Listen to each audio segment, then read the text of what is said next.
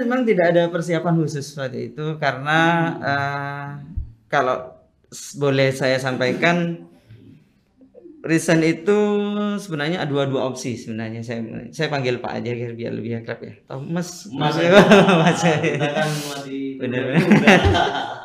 karena saya lebih menghormati soalnya. ya, dua opsi menurut saya pada itu bisa karena tuntutan atau juga karena pilihan waktu Ya. itu. dan saya lebih memutuskan untuk pilihan waktu itu.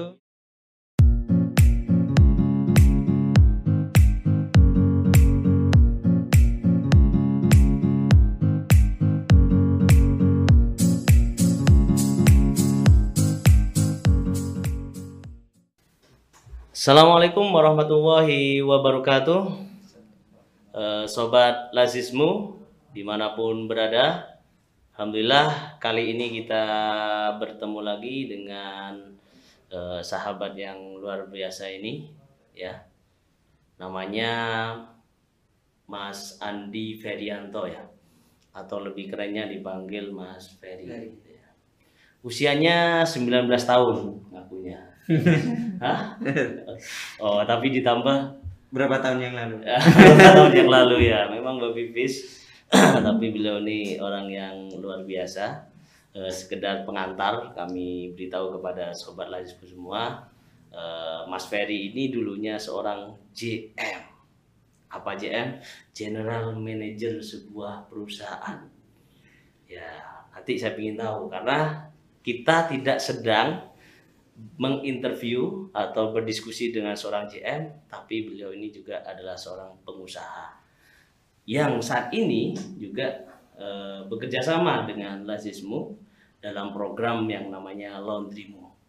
Nah, Mas Ferry, sebelum kita diskusi atau berbincang terkait dengan Laundrymu ya, saya ingin tahu dulu katanya JM. Nah, JM di mana dan kenapa? Dan kemudian kok tiba-tiba Pak akrobat atau banding setir atau gimana ini? Atau mungkin ada motivasi yang lain? Tiba-tiba memulai sebuah usaha. Ya, eh, sudah dua tahun yang silam saya memang pernah di sebuah perusahaan ekspedisi Hmm. Ternama. Oh, perusahaan ekspedisi ya? Iya, perusahaan ekspedisi. Ternama, nasional ya? Nasional, benar sekali. Nah, Bahkan lingkupnya sudah jalurnya juga sudah internasional, gitu. Oh, jalur Ya. nasional. Berarti besar ini. Besar.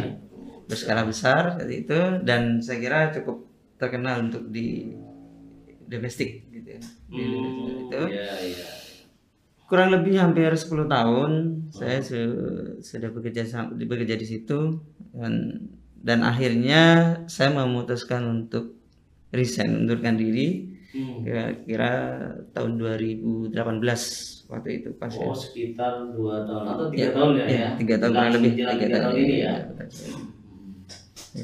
Kenapa mas kok resign? Padahal posisinya JM ya? Ya, pas itu JM itu posisi tertinggi ya? sudah alhamdulillah sudah level tertinggi waktu itu. Oh di perusahaan ya. Di perusahaan itu. Itu lingkup Jawa Timur atau Jember? Eh, untuk wilayah Jember, Banyuwangi dan Bondowoso Oh berarti ada empat empat kabupaten. kabupaten Iya. yang dibawahi oleh perusahaan ekspedisi ini ya. Dan sampean JM ya? Benar. Hmm, iya. Posisi puncak gaji tentu Pastinya. pasti tentu ya berkali-kali lipat dari UMR ya. Dan inventaris dan segala macamnya sudah fasilitas eh, luar biasa. Kemudian ditinggalkan. ditinggalkan. Atau mungkin memang sudah menyiapkan diri ini untuk usaha yang akan dikembangkan ini sehingga pada saat jadi JM sudah invest, tabung atau bagaimana atau mungkin tiba-tiba aja koprol gitu ya. Iya. Sebenarnya memang tidak ada persiapan khusus waktu itu karena eh, kalau s- boleh saya sampaikan resign itu sebenarnya ada dua dua opsi sebenarnya saya saya panggil Pak aja biar biar lebih akrab ya. Atau Mas Mas, Mas, kita kan masih Bener. muda. karena saya lebih menghormati soalnya.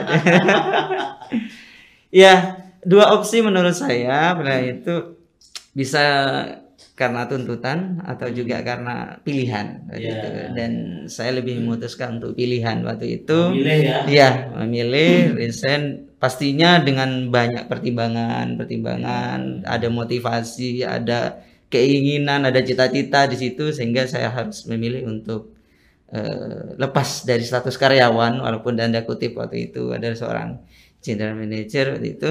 Yeah. karena melihat ke depannya saya punya cita-cita saya punya keinginan impian dan masa depan buat keluarga. Mau sampai kapan yeah. saya harus jadi uh, karyawan. karyawan benar.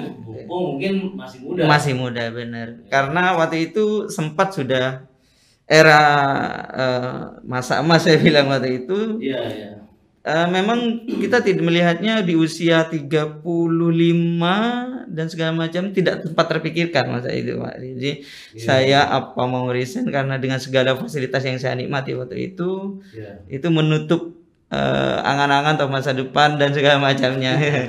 Sehingga pada usia yeah. menginjak angka 40 mungkin setengah abad ya. Yeah. Eh, sudah pola pikir sudah mulai berubah seperti yeah. itu. Sehingga saya harus punya masa depan yang harus saya uh, sendiri untuk keluarga saya, untuk orang-orang yang saya cintai gitu, untuk bisa saya bangun sendiri seperti itu. Mungkin juga kasih sama ini ya, apa Bob Sadiro ya. Iya, bisa ya, jadi. Setinggi apa pun posisi sampean di sebuah perusahaan. Ya. Nah, saat ini kan posisinya paling tinggi, tapi statusnya tetap karyawan. Ya, Tapi sekecil apa pun uh, usaha Anda, ya. sampean bosnya. Ya.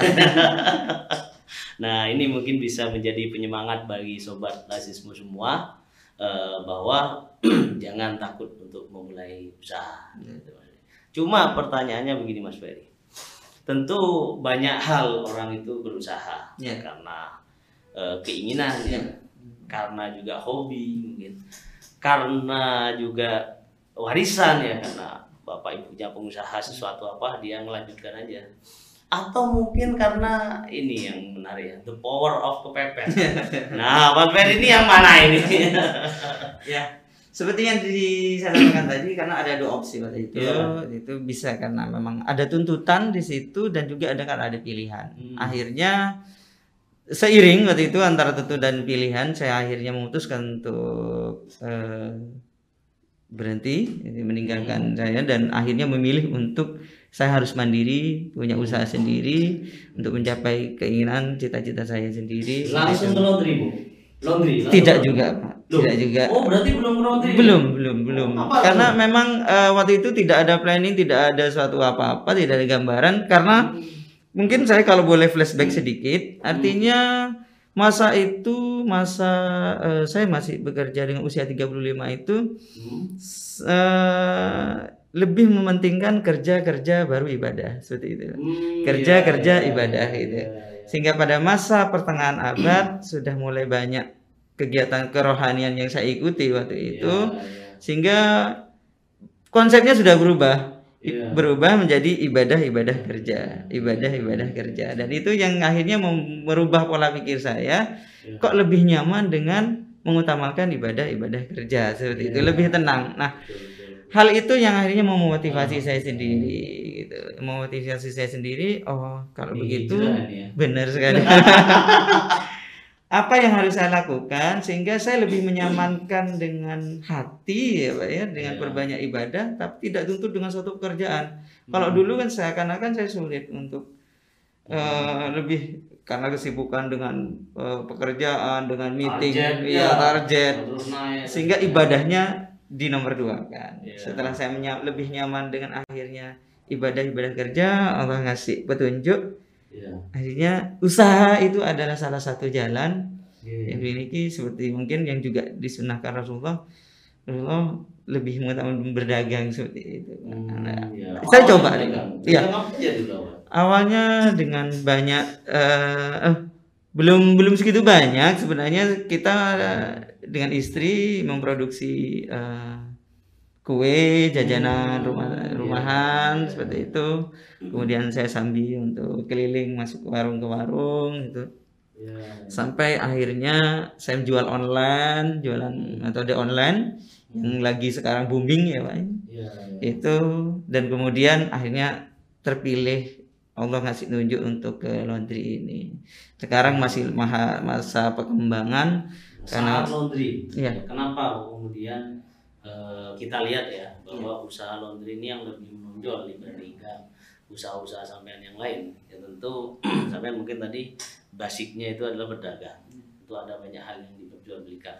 Nah kemudian kenapa dan eh, usaha laundry ini yang kemudian menjadi menonjol? Karena mungkin orang bisa meniru, orang bisa belajar, tapi tidak semua orang memiliki rezeki yang sama Iya, dalam sebuah usaha yang sama. Iya.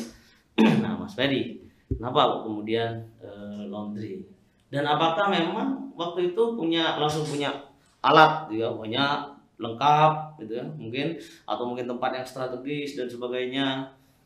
Oh ya apa? Ya, sama sekali juga sebuah usaha laundry ini, ini memang tidak ada planning, tidak ada sebuah perencanaan khusus yang yang waktu itu yang memang saya persiapkan. Akhirnya memang saya melihat potensi laundry ke depannya. Banyak teman-teman di laundry juga menyarankan selama orang pakai baju gitu, Iya. pasti banyak menggunakan jasa laundry. Seperti itu prinsipnya.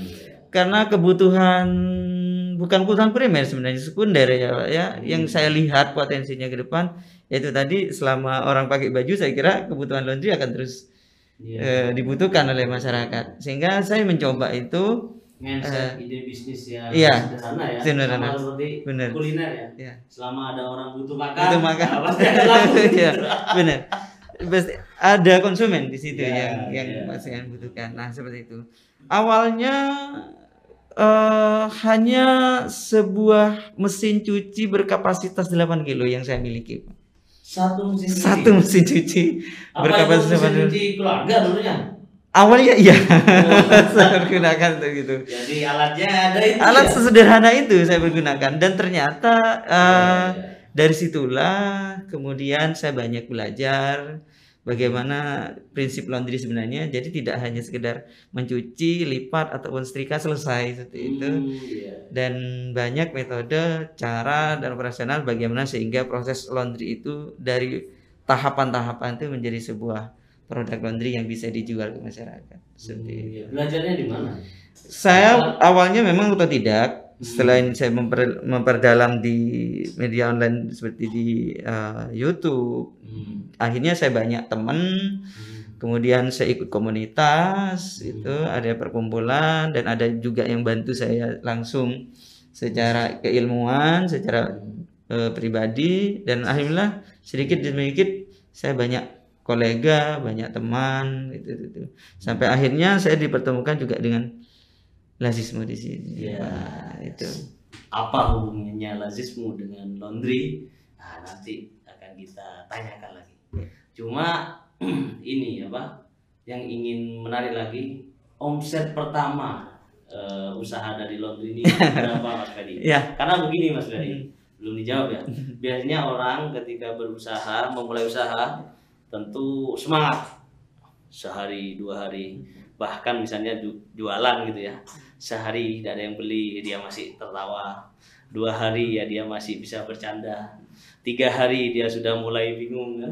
seminggu udah ada yang beli sama sekali bisa jadi stres ditutup itu Iya kan? Ya, benar. Nah, ini kira-kira bagaimana nih trennya, anunya dan dan perkembangan awalnya lah, sama awal-awal itu menjadi suatu yang penting. Kalau lihat sukses ya menjadi tidak penting ya, bukan tidak penting ya. Tidak terlalu menarik. Orang kan harus lihat di dapurnya ya, dapurnya laundrynya Mas Ferry. Ya, cukup berat juga, Pak. Eh, bagaimana tidak saya harus menceritakan mungkin eh, nantinya ini menjadi sebuah inspirasi buat teman-teman eh, semua. Iya. Eh, di mana pun teman apa pun usahanya jangan sampai pernah putus asa. Hmm. Saya yakinkan bahwasanya rezeki itu Allah yang menjamin seperti itu. Tinggal bagaimana kita ikhtiar Menjemputnya ya. menjemputnya kita berusahanya menjemputnya seperti itu.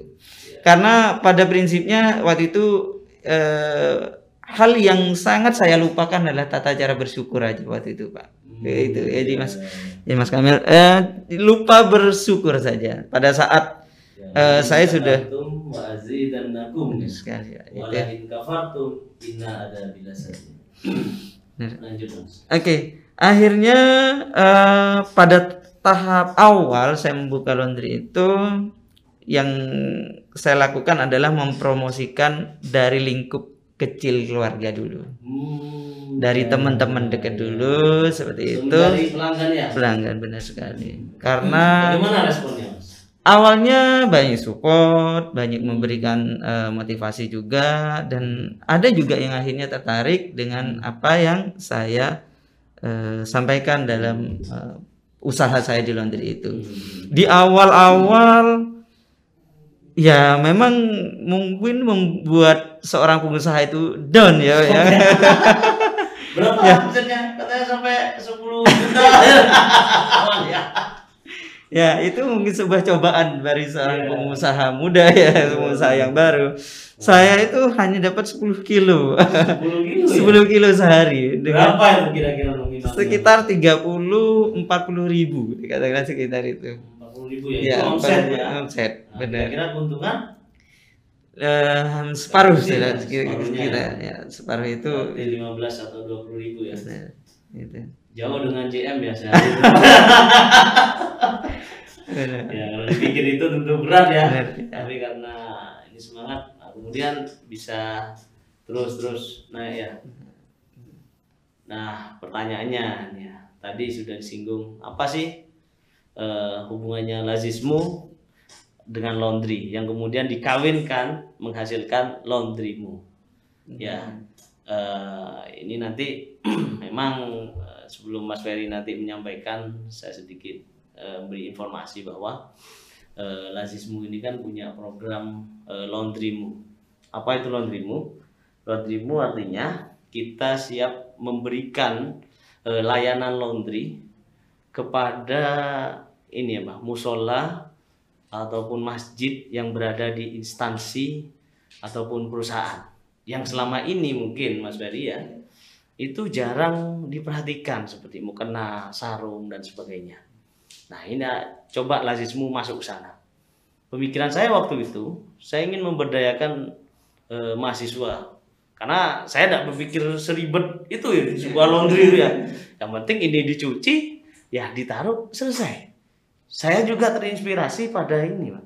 Ada seseorang itu sudah sepuh pensiunan ya. Dia tugasnya tuh keliling nyuci mukena itu. Tanpa diminta, tanpa disuruh. Saya perhatikan dari mana, Pak? Tampil masjid ini. Bukan. Apa? Enggak, Mas. Saya cuma bisa apa ya berbagi dengan cara mencucikan. Ya dia cuci gitu, dia ganti. Dia dia- ya dia lakukan seperti itu aja. Waduh, ini luar biasa ya. Kalau ini kemudian dikelola oleh sebuah lembaga, lazismu secara masif, apalagi kemudian diberdayakan maksud saya, eh, mahasiswa waktu itu, nah ternyata tidak sempat jalan, karena memang kadang yang kita minta itu tidak fokus. Ya alhamdulillah kalau ketemu sama Mas Ferry ini kemudian ya, kita minta tolong dengan Mas Ferry agar eh, gerakan kami yang bernama Laundrymu ini bisa dilaksanakan. Eh, Alhamdulillah waktu itu berkenan ya Mas Ferry. Iya. Kira-kira Mas Ferry, Iya. ada manfaatnya enggak ini program laundrymu bagi ya Mas Ferry secara pribadi ya usahanya ya maupun secara eh, ini ya nilai spiritual karena kan lembaga amil seperti lazismu ini kan juga tidak semata-mata untuk mencari sebuah keuntungan apalagi memberikan suatu manfaat secara finansial ya karena kita kan juga lebih banyak eh, orientasi sosial Nah. pengalamannya gimana Mas? Ya, eh, ini salah satu petunjuk yang Allah eh, hidayahkan kepada saya. Akhirnya saya diperkenalkan dengan lazismu. Dan dari sinilah juga akhirnya usaha laundry yang selama ini saya jalankan berkat lazismu juga apa banyak perkembangan gitu. Kenapa saya bilang seperti itu? Pada saat otomatis pada saat saya ditunjuk oleh kebetulan Mas Kamil sendiri waktu itu untuk dipercaya megang laundrymu ini otomatis dengan sendirinya eh, laundry yang saya kembangkan secara pribadi itu saya tidak tidak langsung seiring berjalan dikenal oleh masyarakat dan juga eh, instansi yang mana eh, menggunakan jasa laundrymu itu tadi gitu. Secara eh, tidak langsung simbiosis mutualisme ini bagi diri saya sendiri sungguh eh, luar biasa. Alhamdulillah saya- karena banyak eh, apa namanya pelanggan yang akhirnya dari karyawan itu? Iya benar sekali pak. Banyak yang dari situ. Benar, gitu. salah satunya dari perusahaan? Iya. Oh ada ya? Ada. Beberapa instansi perusahaan yang eh, sampai hari ini yang Iya. sudah bekerjasama dengan eh, program Landrimu ini kira-kira kurang lebih ada 10 eh, instansi ya, seperti itu. Dan salah satunya juga eh, beberapa karyawan itu akhirnya banyak yang juga menggunakan jasa laundry saya untuk secara pribadi saya lakukan layanan laundry di situ gitu. Hmm, iya. jadi secara langsung maupun tidak langsung memberi manfaat ya Iya. dan memang harapan kami kan memang eh, setiap program yang kita lakukan itu adalah lebih banyak untuk pemberdayaan terutama bagi eh, mereka yang memang masih usia produktif ya dan dia juga punya passion yang juga eh, sesuai dengan apa yang kita harapkan.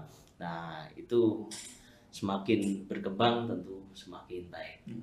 Nah lalu dalam mengelola laundrymu ini apa yang eh, kendala mungkin atau mungkin banyak eh, manfaat yang didapat oleh Mas Ferry baik secara finansial maupun spiritual ya?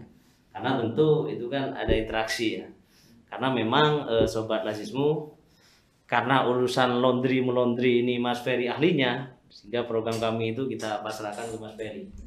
Di lapangan jujur saya sendiri ya jarang pernah tahu. Pernah sekali ikut tuh ya waktu ke mana itu Tembrina ya itu ikut bareng-bareng sampai bersihkan masjidnya waktu itu dan sebagainya. Secara detail Mas Ferry itu bagaimana Eh, sungguh ide yang sangat brilian waktu itu. Eh, Mas Kamil terus menunjuk saya dengan adanya program laundry ini yang memang sama sekali tidak terfikirkan gitu. Sama sekali memang tidak terfikirkan bagaimana kita akhirnya mampu mengelola eh, laundry di musola atau masjid di sebuah instansi gitu. Sampai terpikirkan seperti itu. Dan saya selaku pengusaha laundry juga tidak sampai membaca sebuah peluang bahwasanya di situ pun ada sebuah pelu- peluang yang eh, yang bisa diambil gitu. Nah, awal-awalnya sebenarnya tidak ada suatu kesulitan apa pun waktu waktu saya memperkenalkan pertama kali program Landimu terhadap sebuah instansi atau perusahaan itu. ya Karena akhirnya pihak perusahaan instansi itu sangat terbantu sekali Hmm, eh, ya, dengan kehadiran bersyukur ya. sangat bersyukur sekali. karena apa mungkin karena gratis ya Iya, bisa jadi seperti itu. Musolanya Iya, sehingga menjadi bersih, bersih ya. secara rutinitas eh, apa namanya Perlengkapan sholatnya. itu terus ter- terganti Terganti, bersih suci dan segala ya. macamnya seperti itu merasa merasa sangat eh, terbantu sekali dengan kehadiran kita simple saja sebenarnya pada saat pelaksanaannya pak Eh, waktu itu saya tinggal berkomunikasi dengan eh, kepala administrasi atau katakanlah mungkin kepala kantor di instansi tersebut.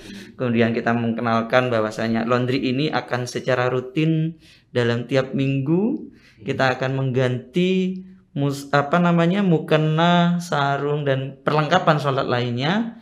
Itu dari pihak instansinya kemudian kita ganti dengan mukena seperangkat dan segala macamnya itu dari pihak lazismu Jadi secara di situ tidak sampai kosong ya? tidak sampai kosong ambil ya. benar Oh berarti ketika anda datang sudah bawa eh, sarung atau mukena baru ya kan, yang sudah bersih, Sudah suci, bersih. harum, taruh kemudian diganti. ya? Iya, begitu seterusnya sa- sebenarnya juga tergantung dari permintaan instansi tersebut Iya. karena melihat eh, apa banyaknya eh, Pengguna ya? pengguna di situ bisa permintaannya ada yang seminggu dua kali, ada yang seminggu sekali, seperti itu tergantung. Dan alhamdulillah itu sampai hari ini berjalan kurang lebih sudah dua tahun ini, Dua tahun ini. dua tahun ini.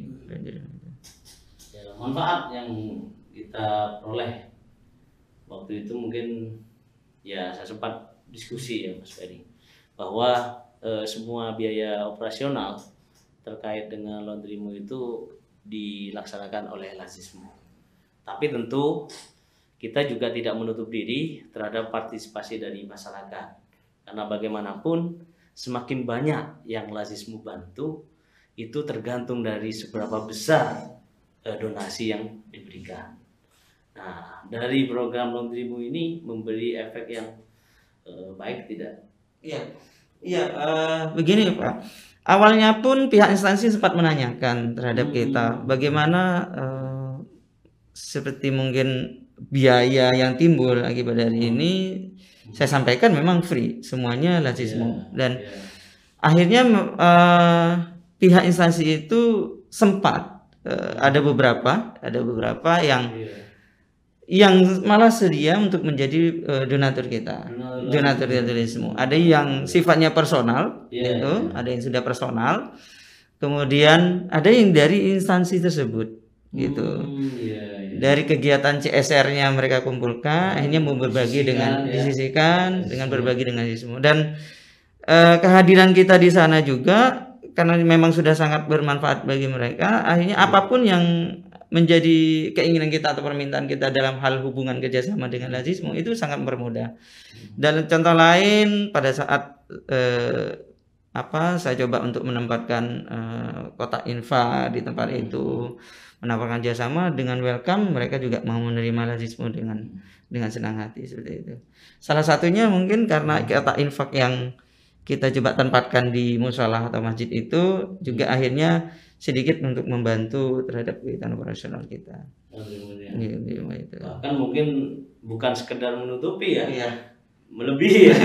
bisa jadi seperti itu ya, ya mungkin keywordnya itu adalah jika kita memberikan yang terbaik, maka kita tidak akan pernah menerima kecuali hanya yang terbaik.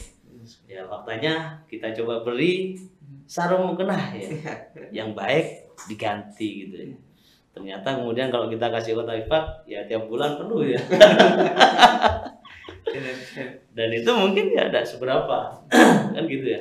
Bagi kita dari segi nominal kan, tapi bagi mereka yang pada saat itu mungkin butuh segera melaksanakan sholat duhur, dipakai kok terasa harum ya bersih sehingga membuat tenang hati ya mungkin sabar yang pikirannya awalnya judek pagi ya dimarahi bos.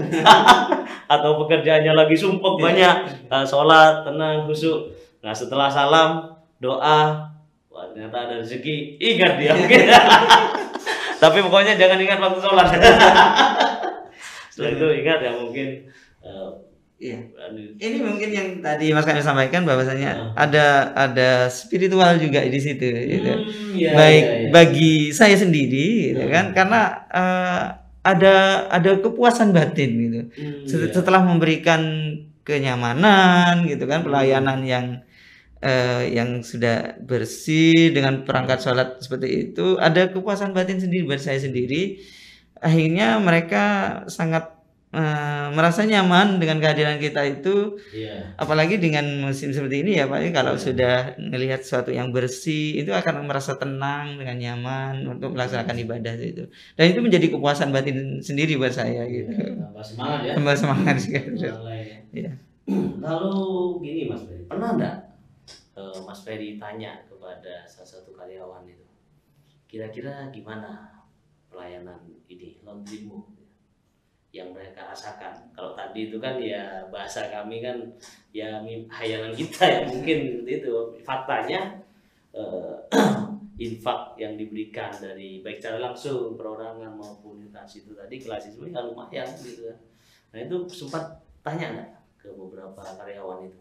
ya Eh, awalnya mungkin sedikit eh, bingung ya Pak. Artinya mereka belum familiar dengan dengan lazismu Iya. setelah saya coba untuk memperkenalkan Hmm. tentang seperti apa sih dan bagaimana lazismu dan akhirnya sangat mereka sangat welcome. Malah ada beberapa instansi ini bukan satu dua tapi ada beberapa instansi itu setiap kegiatan CSR-nya mau bekerjasama dengan lazismu kemudian salah satu juga permintaan yang karena adanya pandemi ini ya, Pak, ya. Iya.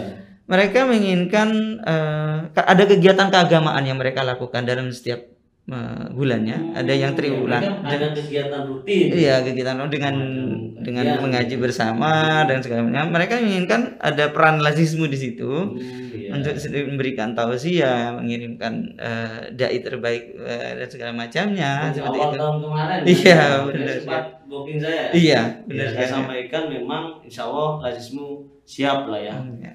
Apalagi untuk ngisi-ngisi terkait kajian Kajian benar sekali. dalam bentuk ya diskusi sederhana Hmm. maupun tablik akbar sekalipun ya kita banyak lah Ferry. Karena apa?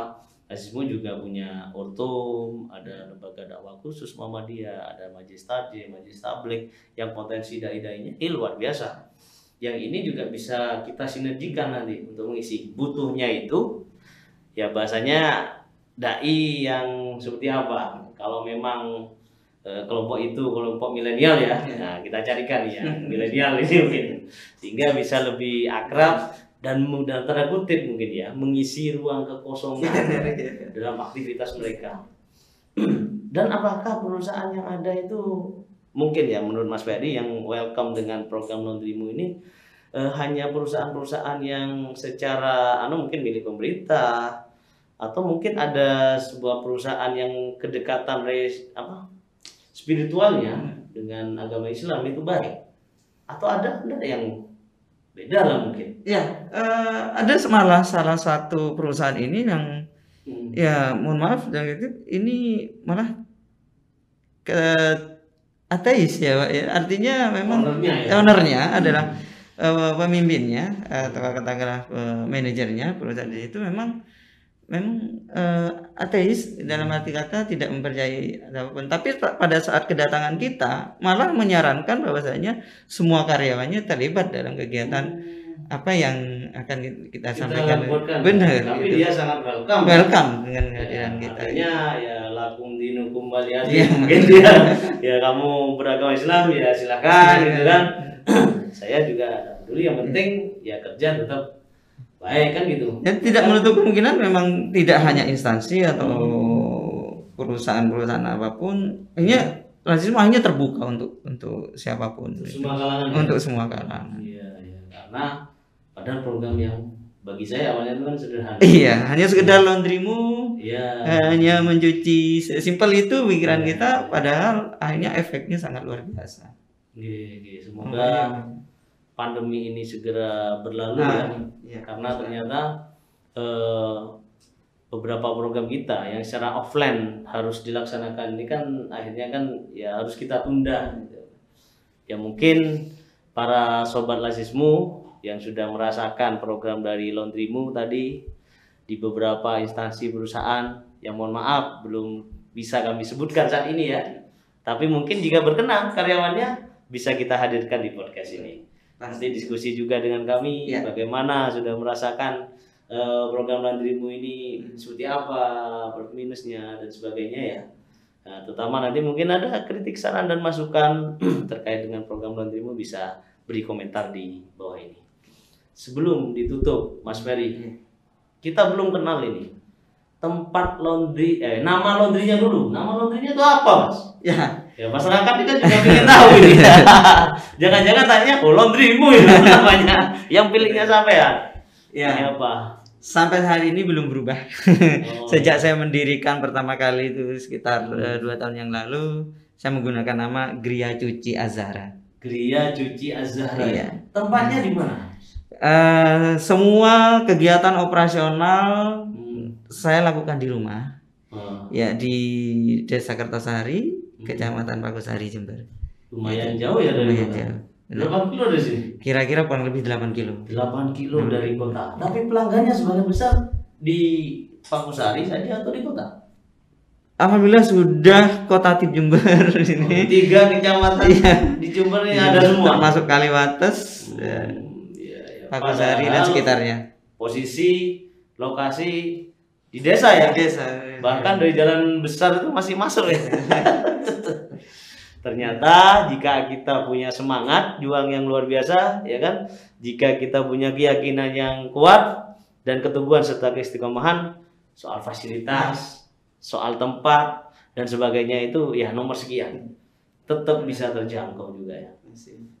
Dan saat ini ini menjadi usaha utama dari Mas Benar. Ya. baik untuk menopang kehidupan keluarga maupun aktivitas-aktivitas yang lainnya. Pesan terakhir Mas Ferry, baik buat eh, sobat lazismu maupun bagi kami eh, dan semuanya yang pemirsa dan sebagainya, mungkin ada yang disampaikan baik itu terkait dengan motivasi berusaha, eh, terkait dengan lazismu dan lain sebagainya lah, monggo. Ya. Silakan. eh, mungkin bisa yang bisa saya sampaikan eh, khususnya untuk sobat lesismu semua di mana pun berada bahasanya satu yakin jangan lupa bersyukur. Kuncinya jangan pernah lupa bersyukur. Nikmati apa yang anda punya sampai hari ini itu tidak jangan mempedulikan eh, menjadi urusan orang lain. Saya kira apa yang menjadi keinginan cita-cita ikhtiarkan hanya untuk Allah dan insya Allah semuanya akan dilancarkan. Itu aja.